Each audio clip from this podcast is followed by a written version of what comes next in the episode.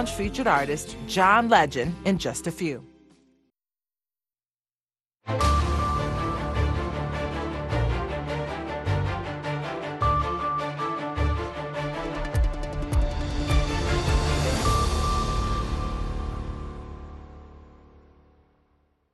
halkani waa washington laanta afka soomaaliga idaacadda v o a oo aad ka dhagaysanaysaan muwjadaha gaagaaban efemyada geeska africa iyo caalamkao dhan oo aad nagala socotaan v o a somaly com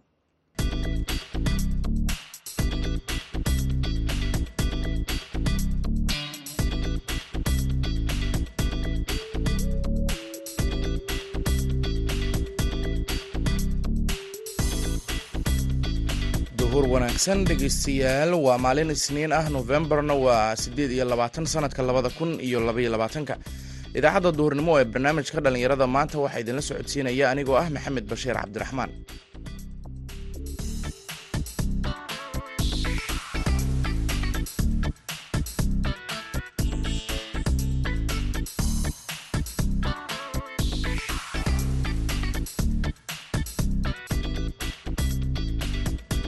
qodobada idaacaddeena aad ku maqli doontaan dhegeystayaal waxaa ka mid a warbixin ku saabsan tartanka isdhexgalka barakacyaasha oo boosaaso ka furmay. Qofku maanta dhallinyaradan halka ku cayaaraysa waa siddeed kooxood guud ahaan waxay ka kooban yihiin cayaartoy waxaanu rajaynayaa maanta nin walba wuxuu saaxiib la noqon doonaa amniga oo waayo isboort markii qofka loo barto wuxuu noqon doonaa qof magaaladiisa nabadgelyo ku maraya waxaad kaloo maqli doontaan waraysi ku saabsan halisaha ay wajahaan dhallinyarada suxufiyiinta ah ee ka howlgala soomaaliya. Kaalimihii heesaha iyo ciyaarihii ayaan ka marnayn barnaamijka balse intaasi oo dhan waxaa ka horeynaya warkii caalamka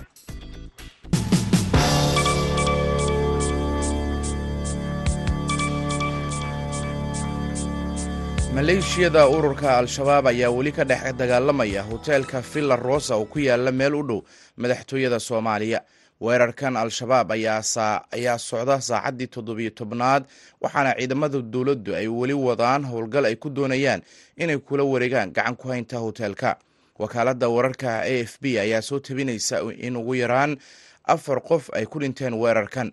Booliiska soomaaliya ayaa sheegay in ciidamadu ay wadaan howlgal ay ku soo afjarayaan weerarka mas'uuliyiin sare waa mas'uuliyiinta sare ee dowladda ayaan weli si rasmi ah uga hadlin weerarka al-shabaab dhinaca kale howlgalka midowda afrika ee soomaaliya ee admis ayaa cambaareeyey madaxweynaha ukrain valadimir zelenski ayaa sheegay gelinkii dambe ee axaddii in toddobaadkan uu noqon doono mid kale oo aad u adag sidii asbuucii la soo dhaafay oo kale markii gantaalaha ruushku ay burbur baahsan u geysteen korontada dalkaasi isagoo ka hadlayay khudbadiisii fiidnimo ayuu zelenski sheegay in militariga ukrain iyo hay'adaha kale ee gobolku ay isku diyaarinayaan wuxuuna u mahad celiyey shaqaalaha tamarta ee dalkaasi kuwaasi u awooday inay soo celiyaan adeegii korontada.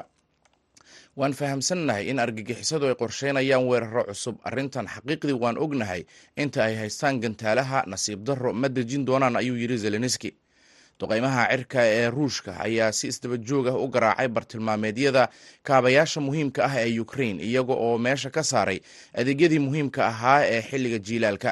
Saraakiisha ruushka ayaa beeniyey in duqeymahan lala beegsaday goobo rayida ugu dambeynna in ka badan siddeetan qof ayaa ku dhaawacmay koonfurta hindiya iyadoo dadka degan deegaankaasi ay joojiyeen dhismaha dekeed ay balaayiin doolar ku kacaysay kadib isku dhac ay la galeen booliiska. Waana mudaharaadkii ugu dambeeyey ee isku soo bax bilo socday oo ay sameeyeen bulsho u badan masiixiyiin kuwa kalluumaysato ah kuwaasi oo ka soo horjeeda ninka ugu qanisan qaaradda eeshiya mudaharaadyada ayaa madax xanuun weyn waxay ku noqdeen shirkadda guanta madani oo saddex iyo labaatan bilyan oo dollar ku dhisaysa dekedaha iyo saadka taasi oo lagu qasbay inay joojiso shaqada ay ka wado dekedda finjam si kastaba ha ahaatee dhismaha ayaa hakad ku jira muddo ka badan saddex bilood kadib markii ay dadku deegaanku xireen. Albaabka laga soo galo goobtaasi iyadoo ay ku eedeeyeen dekedda inay sabab u tahay nabaad guur dhanka xeebaha ah oo ay xaalufinayso noloshooda. Maalmihii la soo dhaafay bilayska ayaa waxay xirxireen dad ka badan oo dad badan oo ka mid a mudaaharaadayaasha kadib markii ay dadkaasi ishortaageen baabuur ay shirkadu lahayd oo doonayey inay dhismaha halka uu ka socdo gudaha uu u galo inkastoo ay maxkamaddu amar ku bixisay in shaqada dekedda dhismaheeda ah dib loo bilaabo. Warkii dunidana dhegeystayaal waa naga inta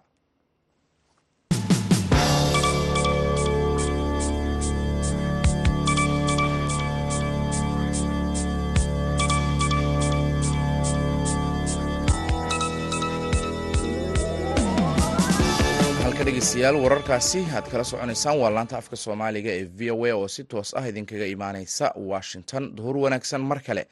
Ayna ku horeyne tartan loogu talagalay in isdhexgalka bulshada ayaa lagu qabtay ama loo qabtay kooxo ka kala socday xeryaha barakacayaasha ee magaalada boosaaso ee gobolka bari.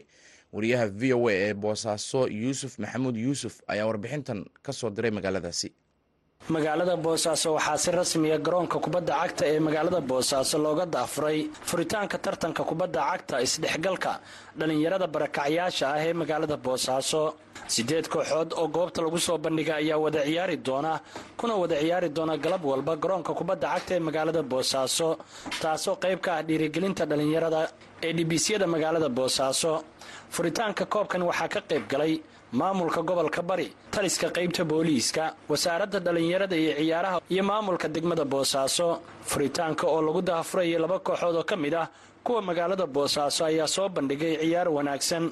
Guddoomiyaha dhallinyarada iyo ciyaaraha ee gobolka bari muuse yuusuf maxamuud iyo madaxa tartamada xiriirka kubadda cagta puntland mustafe cabdiraxmaan majacase ayaa goobta ka sheegay in tartankan uu ahmiyad gaara u leeyahay dhallinyarada.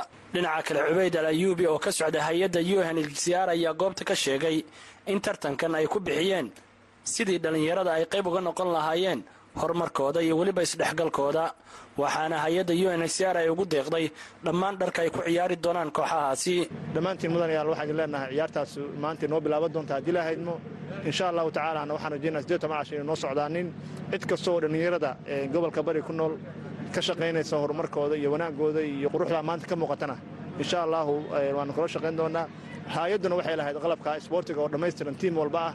Hadday dharkii noqon lahayd iyo kabihii iyo wax walba iyo kubadihii maamulka runtii gobolka iyo degmadana. Runtii waxaa laynu ka fadhiyaa abaalmarintii koobkaas. Si gaaran abaalmarintaas uga fadhinaa oo nagala joogo.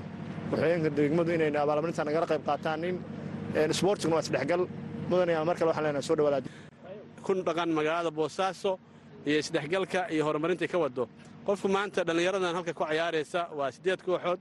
Guud ahaan waxay ka kooban yihiin boqol iyo lixdan cayaartoy waxaanu rajaynayaa maanta nin walba wuxuu saaxiib la noqon doonaa amniga oo waayo isboort markii qofka loo barto wuxuu noqon doonaa qof magaaladiisa nabadgelyo ku maraya telling real story activity that we supported group of youth like 160 youth in eight teams from IDPs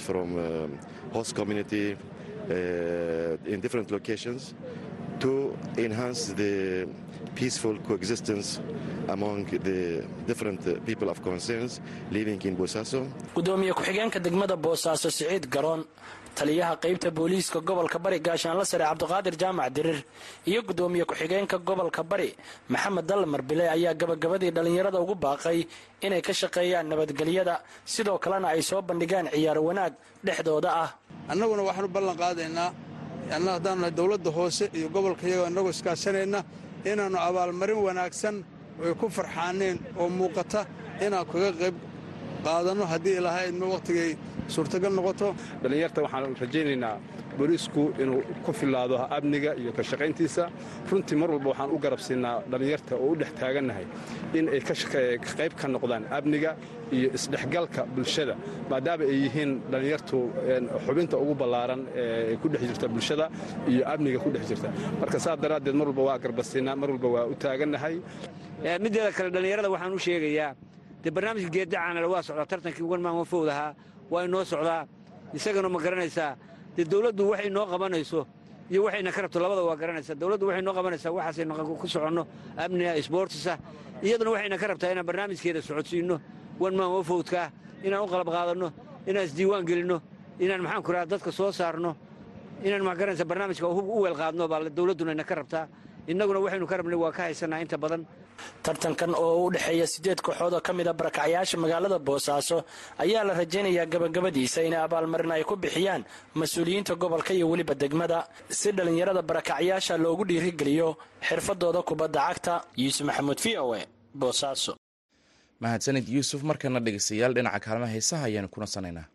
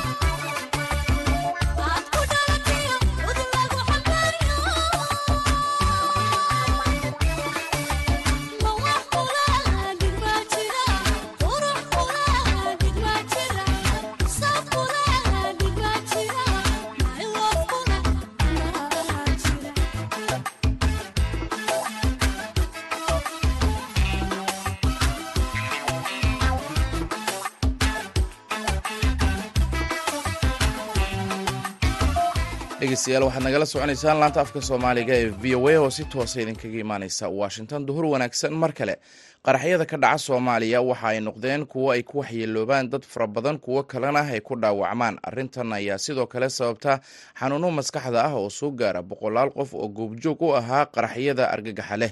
Halka kuwo kalena ay ka badbaadeen balse waxa ay weli la tiiraansan yihiin wixii ay halkaasi kala kulmeen saxafiga cabdikariin maxamed siyaad waxa uu ka badbaaday qarax miino oo asiibay gaari ay shan qof ku saarnaayeen oo laba ka mid ah ay ku dhinteen halka saddex uu ka mid yahayna ay ku dhaawacmeen.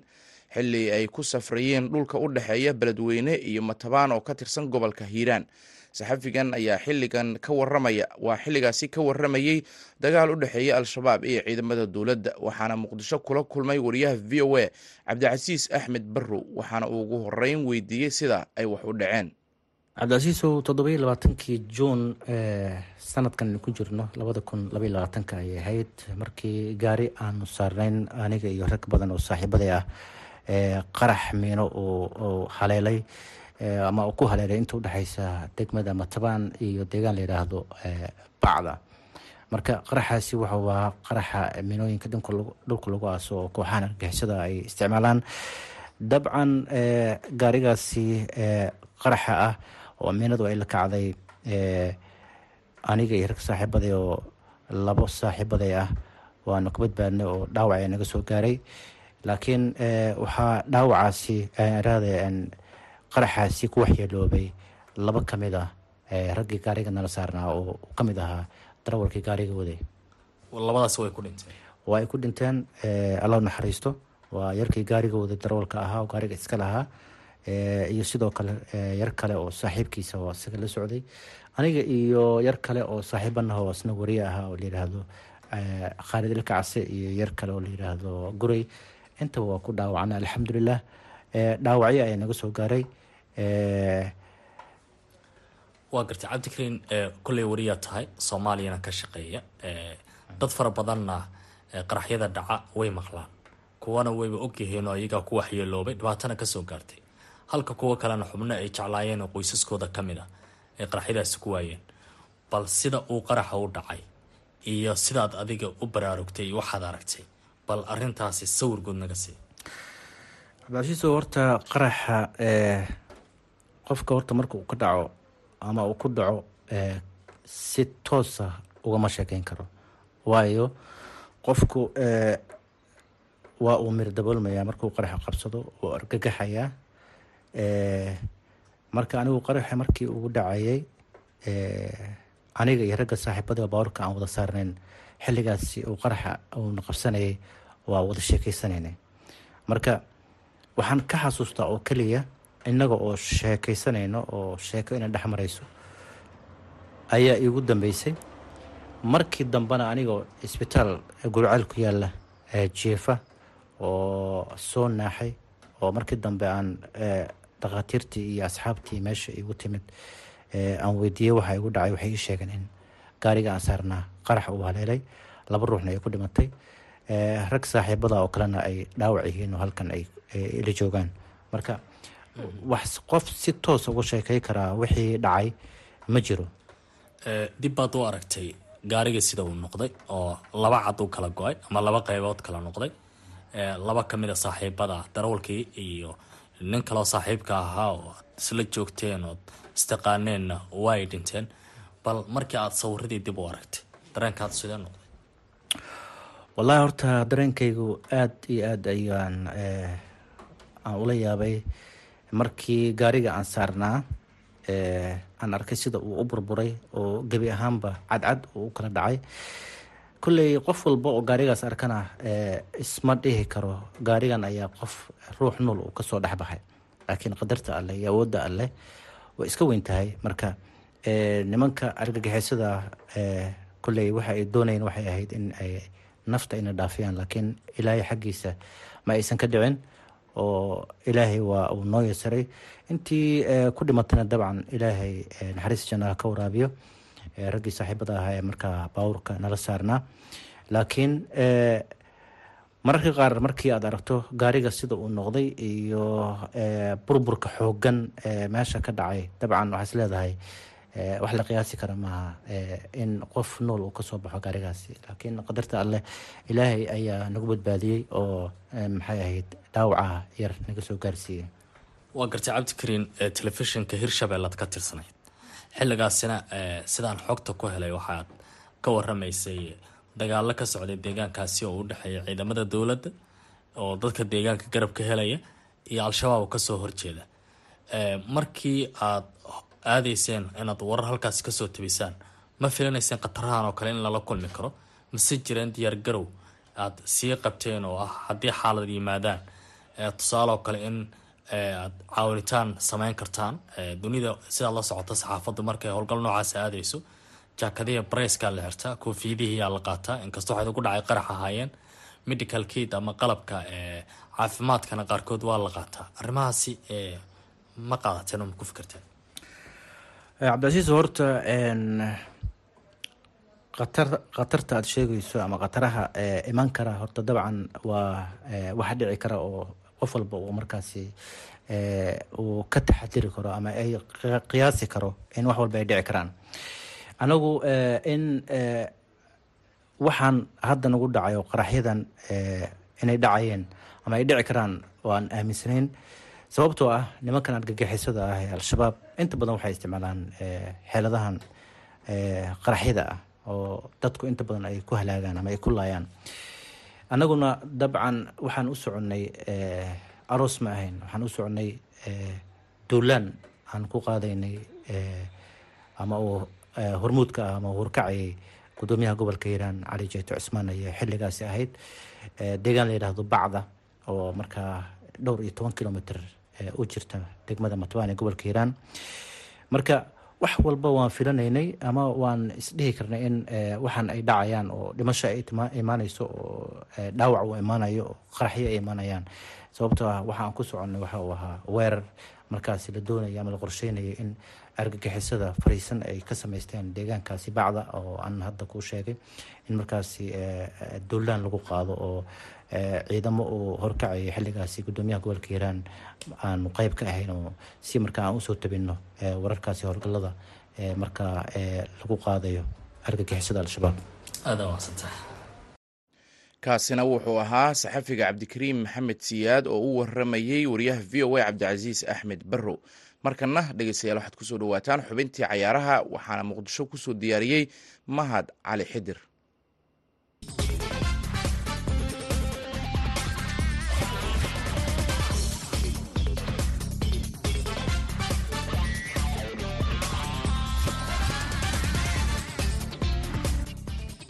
wacan wanaagsan dhegaystayaal ku soo dhowaada xubinta ciyaaraha barnaamijka doornimo idaacadda v o a kulmo badan oo ka tirsan koobka adduunka ayaa la ciyaaray. Habeennimadii xala ahaa haddii aanu ku horeyno xulalkii sbein iyo jarmalka. Sbein iyo jarmalka ayaa barbadhac isla dhaafi waayey ciyaartan oo ka dhacday garoonka albayd stadium ee magaalada dawxa ee dalka qatar.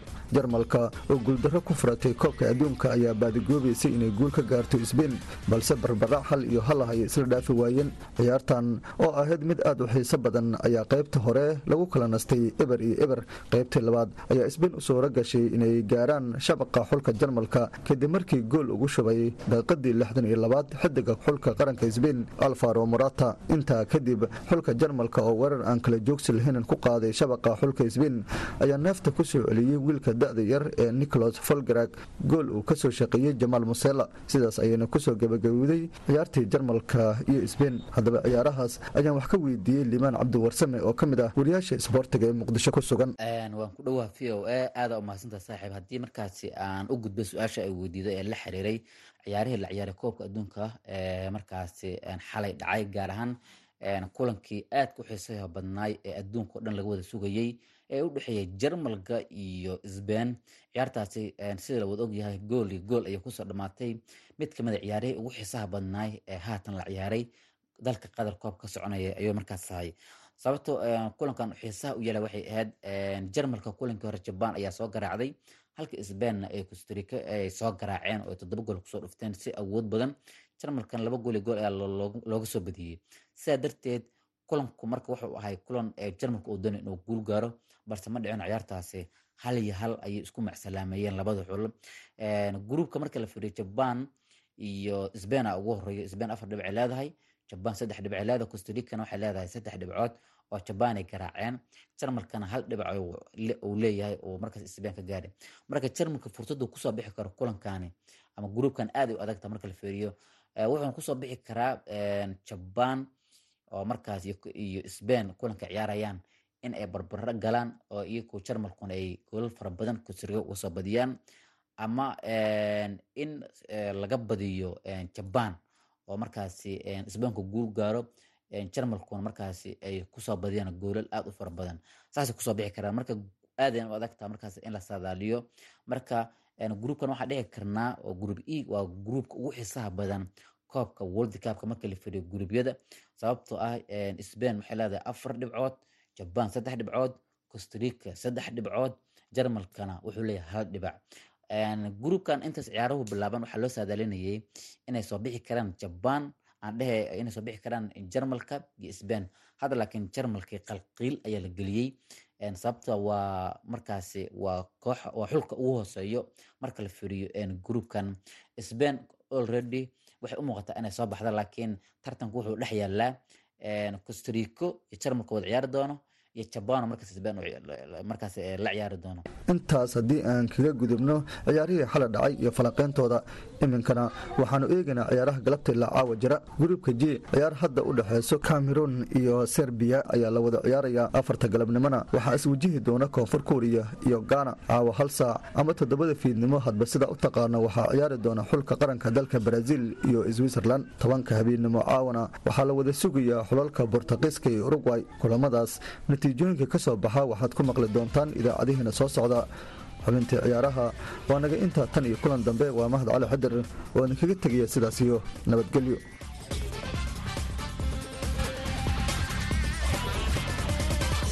Mar kale dhegeystayaal waxaynu ku nasanaynaa oona laabanaynaa dhinacii iyo kaalmaha heesaha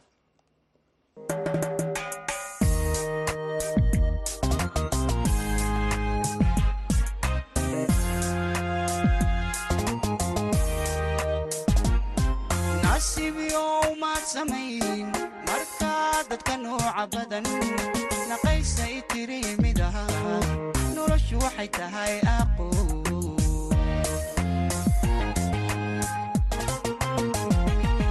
nasiib maad samayn markaa dadka nooca badan naqaysay tiri midahan noloshu waxay tahay aqo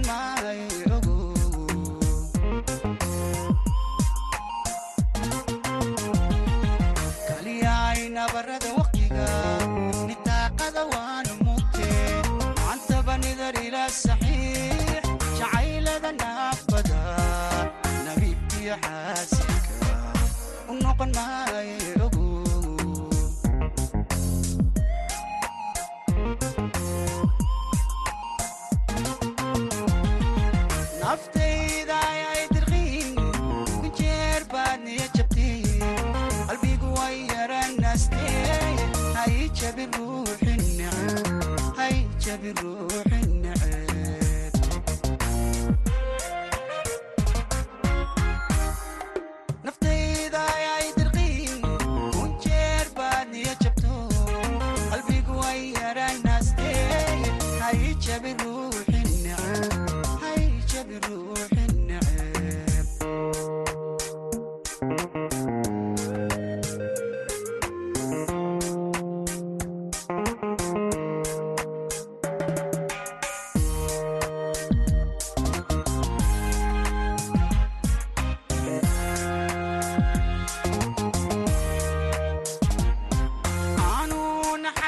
naxariis kalgacal naasteexa ku soor lahaa wadnaa ku nagay lahaa nafdiga ku xariiq lahaa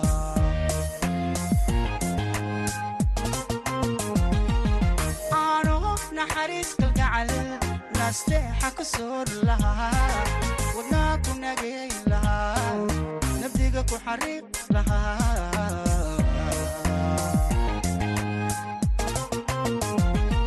idaacaddii duhurnimo ee barnaamijka dhallinyarada maanta ayuu codkaas iskalaaji gabagaba u yahay. Tan iyo kulanti dambene dhegaystayaal waxaan idin leenahay nabadgelyo